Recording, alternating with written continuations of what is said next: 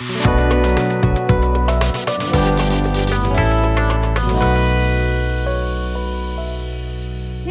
merhaba. Merhaba. Güzel ve e, bol tartışmalı bir konu olacak diye düşünüyorum ama tartışacak bir şey yok çünkü aynı şeyi düşünüyoruz. Bugün ödülleri konuşacağız iş dünyasındaki diyebiliriz ama biraz daha böyle pazarlama, reklam sektöründe bizim bulunduğumuz, daha önce de benim... Tabii daha yakından tanıdığımız Tabii, sektörler ve dinamikler. geldiğimiz, dedikodusunu bildiğimiz bir Aynen. E, şeyden bahsedeceğiz, konudan bahsedeceğiz. Burada da aslında e, son zamanlarda yaşanan ödül olayları ile ilgili böyle çokça fikrimiz vardı. Bir türlü bu konuyu konuşamıyorduk. Herhalde şey kırılım noktası oldu değil mi? Reklamcılar e, şeyinde geçenlerde canlı yayında YouTube canlı yayını beş kişi falan izleyince herhalde de bunu konuşmaya evet. karar verdik. Yani herhalde reklamcılık öldü çünkü en azından tüm reklamcılar izlese hani biraz daha sayı birkaç bin olurdu. birkaç bin kişinin izlemesini yani bu bir şeyde yapıldığı zaman eski zamanlarda gerçek fiziksel ortamda yapıldığı zaman en azından bir birkaç yüz kişinin gittiği bir yere online'da bunun on katı birkaç bin kişi izler diye düşünüyorsun ama gerçekten de birbirimize haber verip izlemeye başladığımız anda 5 mi 7 mi ya şimdi geçmiş gün bir şey olmasın yanlış bir şey söylemeyelim ama o kadar insan izliyordu.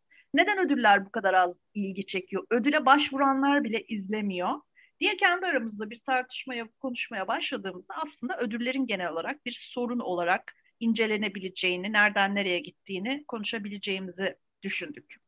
Umarım Tabii. sizin de ilginizi çeker. Mesela işte kristal elma hatırlıyorum reklamcı olduğum dönemde ne kadar önemliydi. Ya da evet. işte reklamcılığın Oscar denilen Efi ki az önce bizim bahsettiğimiz o canlı yayının 300-400 kişinin izlediği ilk anlarında Efi'ydi diye hatırlıyorum. Hı hı. Ondan sonra başka ne var? Felis ödülleri var Mediket'in. İşte Türkiye'de bunlar var evet. Giderdik ve işte ondan sonra bunun şeyi olurdu ödül töreni. Tabii bunlar böyle biraz aslında ekosistemler. Onları da belki birazdan konuşuruz diye Hı-hı. düşünüyorum. Yani hani ödül orada bir noktadan sonra bahane de oluyor.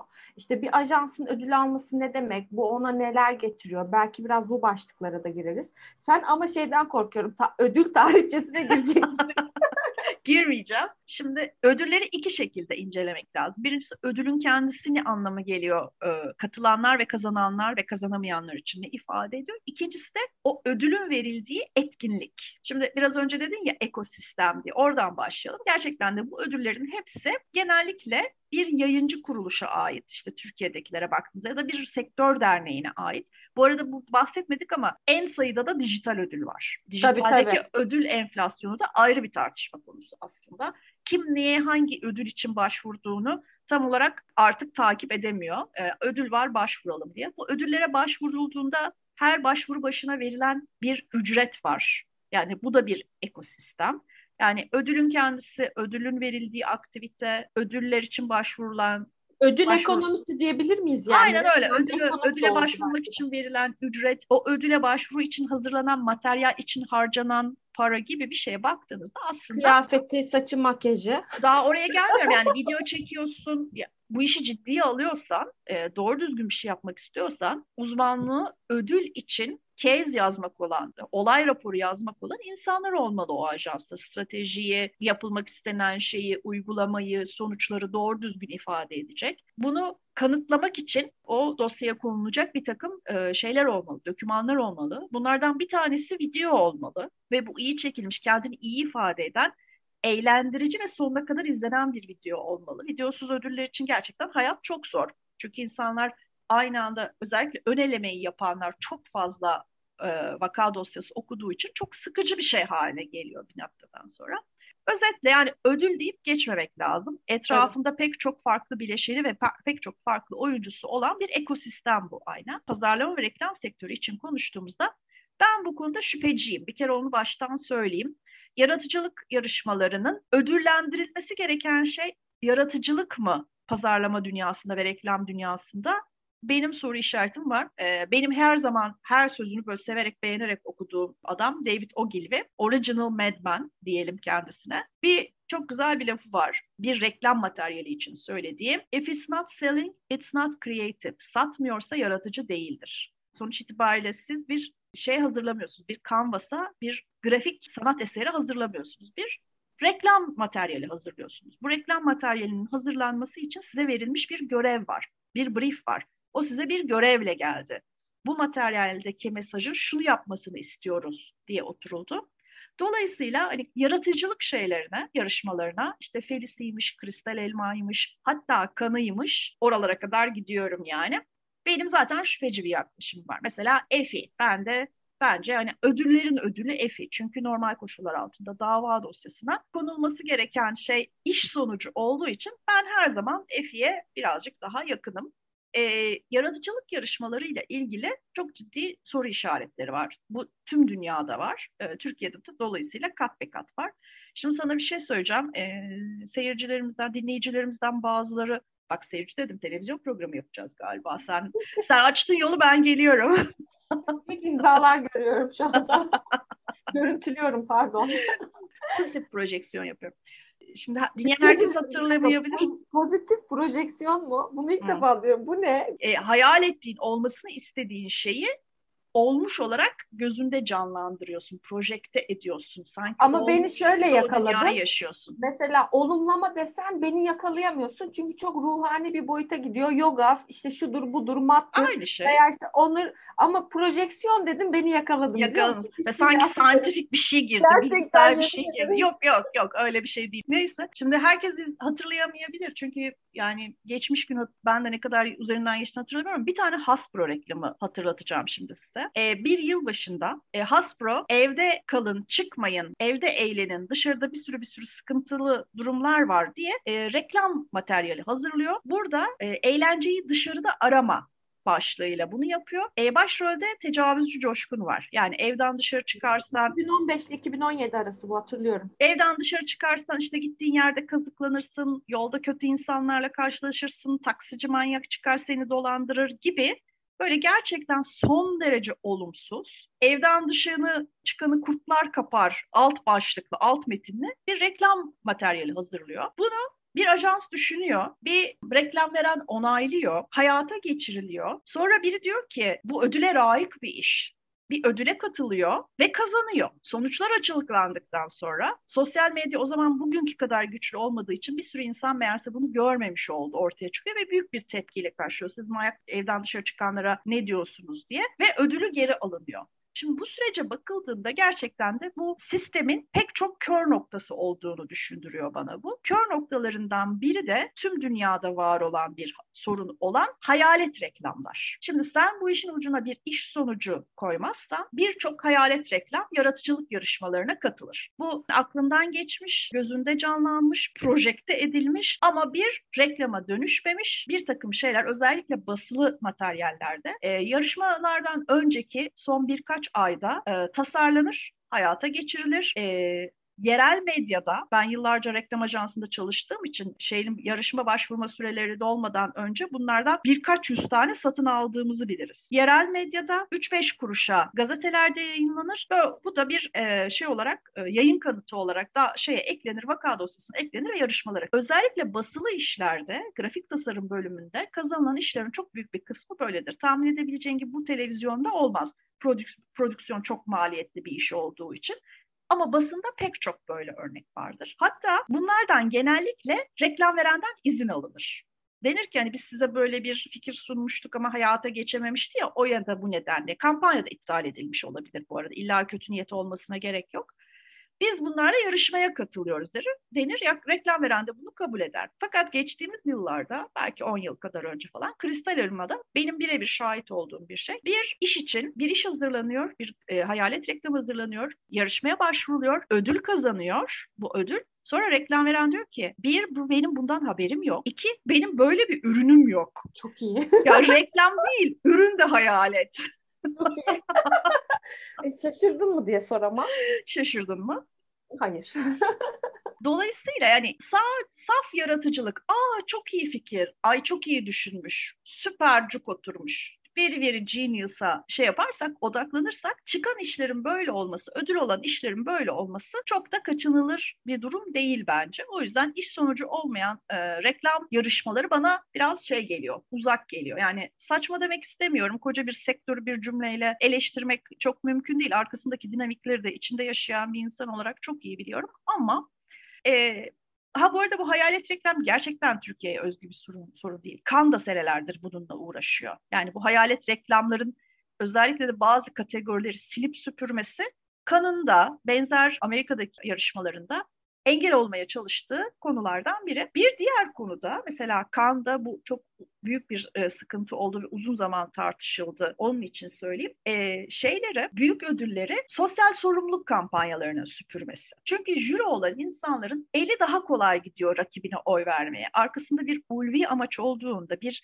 fiziki ve ticari bir ürünün dışında bir şey olduğunda kora kor rakibine oy vermek bir miktar daha kolay geliyor. O yüzden de genellikle e, bu tür kampanyalar diğerlerinin yanından sıyrılıp öne çıkıyorlar. Kan bunu e, bu sene e, birazcık daha gerçekleştirdi ama bu konuda birçok adım atmaya çalışıyor mesela.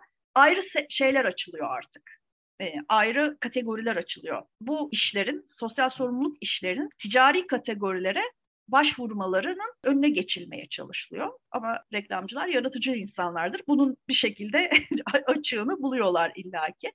Yekten yasaklanmadığı için. İş yarıştıran yarışmaların çok büyük bir e, şeyi var, açığı var böyle. Türkiye'de de geçmişte örneğini çok gördük. Çok büyük ajansların, o dönemin en önemli kreatiflerinin e, yarışmalara katılmayı reddettiği, yarışmalardan işlerini çektiği, jüriden istifa ettiği tırnak içinde pek çok örnek mümkün. Çünkü yarışan şeyin ne olduğu ve ödül alan e, işin ne olduğu gerçekten e, sıkıntılı bir alan olabiliyor bu tür yarışmalarda.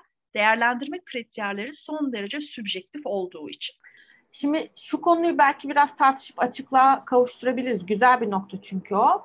Bu yaratılan aslında yaratıcılık enflasyonu. Neden böyle bir baskı var? Çünkü yaratıcılık dediğim şey sen de az önce söyledin subjektif bir şey yani sana göre yaratıcı ama bana göre olmayabilir. Hı, işte beğenmedim diyebilirim. İyi ve doğru şey gibi karşılaştırması gibi aynen, herkesinki kendine yani. Şimdi burada bu noktada ne çıkıyor karşımıza? O işin yaratıcı olup olmadığını söyleyecek kişiler de aslında bu ajanslar içerisinde çalışan insanlar. Yani sen az önce onu da söyledin. Yine gidiyor rakibin belki bir işini onaylıyor. Aynen. Belki bir, bir ajansın, rakip bir markanın vesairenin. Orada bence başka dengeler ortaya çıkıyor. İşte hırs nereden çıkıyor aslında bakarsan? Bu hayalet reklamlar, şunlar bunlar, ajanslar neden bu kadar çok yaratıcılıklarını ispatlamaya çalışıyorlar? Yani zaten yaratıcı nasıl söyleyeyim bunu şey anlamıyla e, insanları kırmadan zaten yapman gereken bir işi yapmak için ödüllendirilmeyi bekliyorsun. Hayır, en iyi sen olduğun için ödüllendirilmeyi bekliyorsun. Bir sürü insan yaratıcı bir şey yapıyor ama en iyisi seninki. En iyisi seninki. Çünkü evet. en iyisi seninki olursa herkes seninle çalışmak isteyecek. Evet, Çünkü... bu asıl yarışma formu olan bunlar işin şını şöhreti, vitrini. Asıl yarışma nerede? İş kazanmakta. Yeni iş kazanmakta. Yeni iş geliştirmekte. Dolayısıyla konkurlara Türkiye'deki adıyla asıl yarışma orada. Konkurlara girerken de şimdi küçük reklam verenler bu şekilde el değiştirmiyor. Bunlar eş, dost, akraba, üniversiteden arkadaşım, halamın oğlu orada çalışıyor falan gibi şeylerle iş değiştiriyorlar ama büyük reklam verenler, uluslararası reklam verenler bir takım obje, objektif kriterlere göre seçmek zorundalar iş yaptıkları e, şeyleri, ajansları da, diğer bütün iş ortaklarında. Ve o iş ortaklıkları içinde büyük konkurlarda genellikle süreç şöyle işler. Bizim sektörün içinden olmayanlar için açıklıyorum. Olanlar kusura bakmasın. Genellikle önce bir kısa liste oluşturulur. Kısa liste oluşturmak için de RFP denen, RFI denen Request for Information diye bir form doldurulur. Bu formda sorulan sorulardan biri de ajansının kreatif alandaki başarılarını belgeleyen ödüllerin listesidir. Dolayısıyla ödüllerin niteliği, ödüllerin sayısı, ödüllerin hangi yıllar arasında kazanıldığı bir anda ekstra bir anlam ifade etmeye çalışır. Eğer büyük uluslararası çok bütçeli bir reklam verenin peşine düştüysen bu seni eşitler arasında daha avantajlı hale getirir. Ve işte buradan da daha saldırgan oluyorsun yani Aynen. böyle olduğu için. Aslında orada yarışan şey bir süre sonra yaratıcılık olmuyor. Başka bir şey dönüşüyor. Onu anlatmaya çalıştım az önce. Yani Doğru. arka planındaki e, olaylar yüzünden. Bu peki nasıl dengelenebilir? Yani buradaki aslında konu jürinin seçimi mi yoksa reklam verenin bu bakış açısındaki şeyi değiştirmesi mi, yaklaşımı değiştirmesi mi, nasıl bir şey olabilir? Belki biraz ona bakmak lazım. Ben reklam verenin bakış açısında bir sorun olduğunu zannetmiyorum. Çünkü bu sorulan pek çok sorudan biri. Yani mesela senin finansallarını da soruyor senin işte network yapını da soruyor, senin ekip yapını da soruyor. Yani bu tek başına büyük bir karar verici değil. Yani her alanda şeyleri, boşlukları doldurup nerede ne yaptığını, senin niteliğini anlamaya çalışıyor. E, jüriye gelecek olursak e, yarışmaların en çok eleştirildiği noktalardan biri ilginçtir jüri seçimi. Hatta bir ünlü reklamcılardan biri şimdi adını hatırlayamayacağım ama şöyle bir şey diyor. Bütün yarışmaların en sübjektif kısmı jüriyi oluşturma kısmı. Yani kim hangi nedenle ve hangi özellikleriyle bu jüriye dahil edildi? E, asıl bu tamamen boş. Tamamen e, şey komitesinin, yarışmayı yapan komitenin kendi black box'ının içinde, kendi kara kutusunun içinde verdiği bir karar. Genellikle sebep sonuç ilişkileri de açıklanmaz jüri açıklandığı zaman. Asıl zaten sübjektivite buradan başlıyor. Bir, bir de böyle bir boyutu var tabii ki işin. Şöyle bir toparlayacak olursak sevgili Elif işin dedikodu kısmına gelmeden önce geleceğim oraya hiç merak etme. Şimdi çünkü dinleyenlerimiz diyecekler ki hani dedikodu yapacaktınız biz bir şey duymadık böyle ciddi ciddi bik bik bik konuştunuz. Şimdi toparlayacak olursak bence birincisi yani senin için de böyle ana noktalarını e, özetlersen bence çok daha e, net bir noktaya gelmiş oluruz. Birincisi zaten kreativite yarıştırmakta bir problem var. Kreativite değil çünkü reklamcılığın ve pazarlama iletişiminin ana konusu. Kreativite senin mesajının algılanması için bir kayganlaştırıcı bir araç. Onu daha böyle ilacın dışındaki şey gibi, kaygan malzeme gibi yutmanı sağlayan bu mesajı daha kolay kabul edilebilir ve daha iyi tüketilir hale getiriyor. Asıl sen o işe bir amaçla yola çıkıyorsun. Bir şey yapmak için yola çıkıyorsun. O yüzden ay bu çok yaratıcıymış, buradaki resim çok güzelmiş, bu başlıktaki espriyi çok beğendim. Bunun yarıştırılması başlı başına bir sorun zaten o da beraberinde hayalet reklam ve hatta e, hayalet ürün gibi sorunlar getiriyor. İkincisi bu ekosistemin çok büyük bir ekosistem olması daha çok reklam, daha çok ajansı, daha çok kategoride ve daha çok işle başvurmaya mecbur bırakıyor. Hatta Türkiye'de hadi kim olduğunu söylemeyeyim, e, büyük e, yarışmaları düzenleyen kurumlardan biri bakın bu kategorilerimiz çok boş buradan başvurursanız e, başarı olasılığınız yüksek diye mailler atıyor. İşte bazı kategoriler mesela yerel medya gibi kategoriler çok şey görmüyor çünkü çok itibar görmüyor Türkiye'de. Mecra çok itibar görmediği için yapılan işler de daha zayıf kalıyor. Onlar diyorlar ki bakın bu kategori boş. Buraya da başvurun. Neden? Çünkü her başvurma... kaldırsınlar artık geçerli değilse. Ya ama niye kaldırsın? Oraya da başvuracağım. 3-5 bin lira daha para vereceğim sonuçta. Evet. Çünkü bedava başvurmuyorum ki her kategorideki her bir başvurum için böyle taksimetre işliyor çalışıyor bir para ödüyorum. Artı bunu yapmak için insan gücü kullanıyorum, zaman kullanıyorum, prodüksiyon masrafı yapıyorum ortaya ciddi bir şey çıkıyor. Ekosistem çıkıyor. Bir gece düzenliyorum. İnsanlar iyi giyiniyorlar, süsleniyorlar, geliyorlar, içiyorlar, yiyorlar, flört ediyorlar. Ee, bir şey de gerçekleştirmiş oluyorum. Bir networking de geç gerçekleştirmiş oluyorum. Böylece aynı alan memnun, satan memnun bir hayat çıkıyor ortaya ama bu bir iş sonucu değil. Bu bir iş amacı değil. Ee, o yüzden de ben daha sebep sonuç ilişkilerinin tanımlandığı EFI gibi yarışmalara daha sıcak bakıyorum. Peki sana bir şey sorabilir miyim? Şimdi aklıma geldi. Sence yıllardır verilen bu ödüller, ödül törenleri yani bu sektörü ya da e, markaları ileriye taşımaya yardım etti mi? Bir sonraki aşamaya geçmelerine yardım etti mi bu kadar toplantılar, bu kadar çalışmalar? Yani işte hala neden dünya markası çıkaramadık diye bir şey konuştuk biz seninle ve hı hı. E, binlerce dinlenen, en çok dinlenen bölümümüz o. Merak ediyorum bu konudaki düşünceni. Yani normalde ufkunu açmasını beklersin. Ee, seninle aynı işi yapan, e, daha becerikli, daha nitelikli, daha başarılı insanların işlerini görerek ilham alacağını beklersin. İşte mesela e,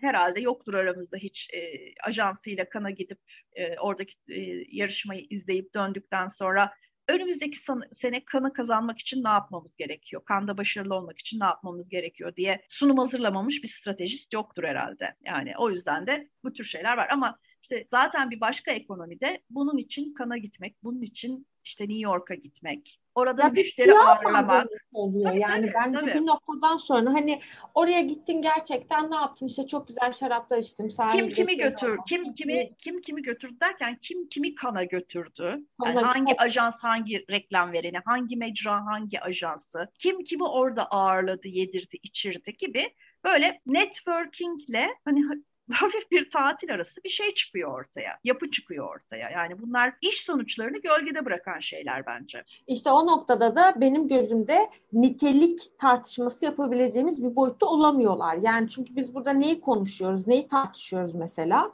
baktığın zaman. En son artık geldiğimiz nokta o kadar feci bir nokta ki sadece reklamcılık sektörü için değil. Yani bir iki yıl Hı-hı. önce herhalde yanlış hatırlamıyorsam Seren Serengil bile isyan ediyordu. Yani hani önüne gelene ödül, ödül veriyorlar diye. E, bir noktadan sonra hani e, öyle bir mekanizma oluştu ki gerekli ödemeyi yaptıktan sonra o ödülü zaten alabiliyorsun. Yani o zaman gerçekten ya bir şeylerin içini boşaltmak çok büyük bir tehlike bence. Yani evet. ödül dediğimiz şeyin aslında bir şeyleri anlamlandırması, taçlandırması, bir üst seviyeye taşıması, korunması gereken bir standart yaratması ve nitelikli de bir rekabet yaratmasını Hatta bekliyorum. burada şöyle bir müdahalede bulunayım. Ödülün fetişleştirilmesinin aynen böyle bir ifade var. Campaign dergisinde galiba ya, okuduğum bir makalede. Ödülün fetişleştirilmesinin kreativiteyi serbest bırakmak yerine daha formülatik, daha tahmin edilebilir sonuçlar yarattığını düşünüyor. İşte şunlar başarılı oluyor. Demek ki bizim böyle kampanyalar yapıyor olmamız gerekir gibi bir hani gördüğün bir trend görüp bir gidişat görüp kendi yaratıcılığını bu şekilde sınırlandırmak demek. Daha formülatik. Şu anda şöyle şeyler işliyor. İşte şu anda celebrity'li kampanyalar işliyor. Şu anda sosyal sorumluluk projelerinde kadın temalı şeyler işliyor gibi sebep sonuç ilişkileriyle kendini aşırı yönlendirmek gibi diyebiliriz. İşte bunun arkasında da ödülün fetişleştirilmesi olduğunu söylüyordu okuduğum makale. Ya ben hatırlıyorum böyle şey dergilerinde e, bizim reklamcılık sektörünün dergilerinde veya internet sitelerinde X bir ajans e, market sepetine ödülleri doldurmuş onları taşıyor falan işte. Yani yine bir sepet dolusu ödül aldık falan gibilerinden. Yani e, işte ne bileyim şeyde resepsiyon, resepsiyonuna elmalar koymalar. Kristal elmanın çok önemli olduğu zamanlarda işte resepsiyonlarda kasayla elmalar evet. gibi şeyler atraksiyonlar yapılıyordu. Yani insanların başarıyı araması, başarının peşinde koşması, başarıyı kutlaması değil buradaki problem. Bunun işte bir e, şey haline dönüşmesi, kelimenin gerçek anlamıyla bir araç değil amaç haline dönüşmesi, bazı işlerin ödül kazanmak için yapılması, işte bazı reklam verenlerin özellikle kendi kariyerinde bu konuda bunu önemli olduğunu düşündüğü, düşünen pazarlama yöneticisinin olduğu e, reklam verenlerin bu işle ödül alır mıyız diye briefine soru eklemesi gibi amacından saptırılan durumlar mevcut. E, bunun da arkasındaki bence en önemli sebep işte bu işin subjektif olması ve bu işin ekonomi boyutunun, e, şey boyutunun, yaratıcılık boyutunun önüne geçmesi. Peki dedikodu var mı? Dedikodu yani bu konudaki dedikodular e, dedim dedi olduğu için yani burada söylemeye e, gerek yok ama var mı? dilimiz varmıyor ama işte bir kere New York'a giden, bir kere Kan'a giden herkes aynı dedikoduları biliyor diye. evet. Bunu dinleyenler ve bilenler bize ulaşsa falan Aynen öyle. Bilenler bilmeyenlere anlatsın. Ben Bilenler söyleyeyim. evet. Ya bir noktadan sonra zaten Elif hani biz şimdi işi şakasını yapıyoruz ama bir noktadan sonra herkesin bildiği gerçekler oluyorlar oluyor bu şeyler konuştuğumuz şeyler. Yani herkes aslında her şeyi biliyor ama herkes kendi payına düşen rolü oynuyor. Burada işte öne çıkanlar, aslında işte fark yaratanlar, bir yenilik getirenler, işte veya farklı bir soru soranlar bence dönemin e, kazananları olacak. Yani yeni dünyaya geçiş noktasında. Çünkü burada kırılması gereken bir şey var. Bir kısır döngü var. Çünkü reklamcılık sektörü de bence artık ilerlemiyor. Dolayısıyla e, yani düşüşte olan ve geleceği belirsiz olan yani reklamcılık hiçbir zaman bitmeyebilir. Bir noktada teorik olarak baktığımızda adı değişebilir. Sen yine alıntı yapayım bir kaydımızda söylemiştin. Bir ürünle bir alıcı olduğu sürece pazarlama bitmez demiştin. Yani Doğru. önümüzdeki şeyi düşündüğümüzde ürün ve alıcı ilişkisi form değiştirecek de olsa devam edecek. Dolayısıyla burada bağlantılar kurulması hep gerekli olacak. Ama tükenmekte olan bir sektörün, yenilenmeye ihtiyacı olan bir sektörün bu kadar ödül driven diyeyim ben ona yani ödül bağımlısı olarak ödül, ödül yönlendirmeli olarak hareket etmesi bence çıkış şeyi değil. Yani burada yaratıcılığı artık daha fazla yarıştırmanın bir anlamı yok. Yani çünkü bence dünyanın geldiği noktada çok fazla yaratıcılığa ihtiyacımız yok artık. Yani fazlasıyla var doğru. Evet yani çünkü zaten var ama önemli olan bu konuda aksiyonları alabilmek, bir yenilik getirebilmek, farklı bir bakış açısı kazandırabilmek. Belki de böyle bir şey olsa bunu ödül verirse daha anlamlı olur benim için. Peki. Bitirmeden e, bu ara bu konuyla ilgili araştırma yaparken e, karşılaştığım çok e, bana ilginç ve hoş gelen bir şeyle örnekle bitireyim. E, ben kendi sözlerimi. E, bir ajansın içindeki e, mix media artist e, dedikleri kreatif e, içerik üreten bir ajans burası e, mix media artistlerinden birini, sanatçılarından birini kana göndermeye karar veriyor ajans. Adam da şaşırıyor. Allah Allah bana da mı geldi sıra falan diye. Hiç yani daha önce düşünmemiş, hayal etmemiş ve Kanda ne yapacağını da bilemiyor. Hani diyor ki ben networking yapmam, yönetici tanımam, işte yönetmen tanımam, müşteri tanımam. Ben burada kendi kendine oturduğu yerde üretim yapan bir sanatçıyım. Düşünüyor diyor ki bari e, bunu bir amaç için kullanayım. 100 tane kartpostal hazırlıyor. Hepsi birbirinden farklı. Bu konuyu e, Meaner adamın adı. Mean böyle kötü gibi. Meaner. Araştırıp bulabilirsiniz isterseniz. 100 tane özel kartpostal hazırlıyor. Her biri birbirinden farklı. Arkasına da bir tane soru yazıyor ve alttaki uyan seçeneklerini seçmelerini istiyor. 100 kişiye dağıtıyor bunları. Soru da şu. E, Kanda ne yapıyorsunuz? Ne bekliyorsunuz? Kanın amacı ne? What's the point? E, bir takım şeyler var, seçenekler var e, ve sonuçlarını sonra yayınlıyor. İşte ilk karşısına çıkan 100 kişiye dağıtıyor bunu. Kana niye geldiniz? Amaç neydi? İşte %89'u ilham almak için diyor. Şimdi o kadar yaratıcının bir arada olunduğu ve bir yıl boyunca yürütülmüş bir işin, e, üretilmiş işlerin sergilendiği bir yerden ilham almadan dönmek zor gerçekten. Hani bunun için oraya gidip adam başı katılım ücreti olarak 5000 euro uçak bileti 3000 lira kalacak yer zaten orada uçup gidiyor. Bu parayı vermeye işte bir tane pizzaya her gün 100'er euro şey bırakmaya hesap bırakmaya değer mi? Ayrı bir tartışma konusu. Çünkü bunlar artık dijital olarak yayınlanıyor amacın sadece ilham almaksa. Neyse %89 ilham almaya geldiğini söylüyor. %42'si networking yapmaya hem de eskising networking yapmaya yani böyle networking'in gözünü çıkarmaya geldiğini söylüyor. Ee, %39 zaten hemen yarıya düştük gördüğün gibi. %39'u mükemmelliği ödüllendirmeye gelmeye söylüyor. Bunlar ilk ya kez gelenler. Dinleyenler, ben şu anda dataları görüyorum. Buraya işit giden yok öyle söyleyeyim. Yüzde otuz altısı kendi boyunun ölçüsünü almaya gittiğini söylüyor. İngilizcesini söyleyeyim, Türkçesini söylemeyeceğim. To measure our creative dicks. Kendi boyumun ölçüsünü almaya gittim diyor. Yüzde otuz altısı zıbarana kadar içmeye gittim diyor. Ya hayret bir şey.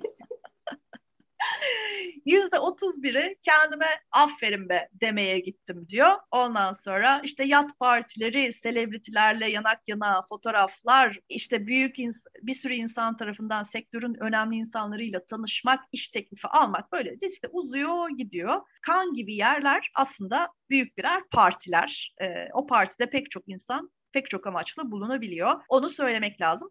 Bizdeki belki e, şeylerin, ödüllerin çok fazla ciddiye alınmamasının, çok fazla önemsenmemesinin bir sebebi de bu parti kısmını çok iyi yapamıyor olmamız diyebilirim. Genellikle büyük bir hayal kırıklığıdır çünkü ödül partileri. Diyerek sözlerime son veriyorum. Parti kısmını da belki daha sonra konuşuruz. Gerçekten. Belki. Bilmiyorum yani... onu emekli olunca konuşurum onu. Tamam. ben kitap yazarsın diye düşünüyordum ama podcast olur. Podcast olur bence de. O zaman hoşça kalın. Hoşça kalın.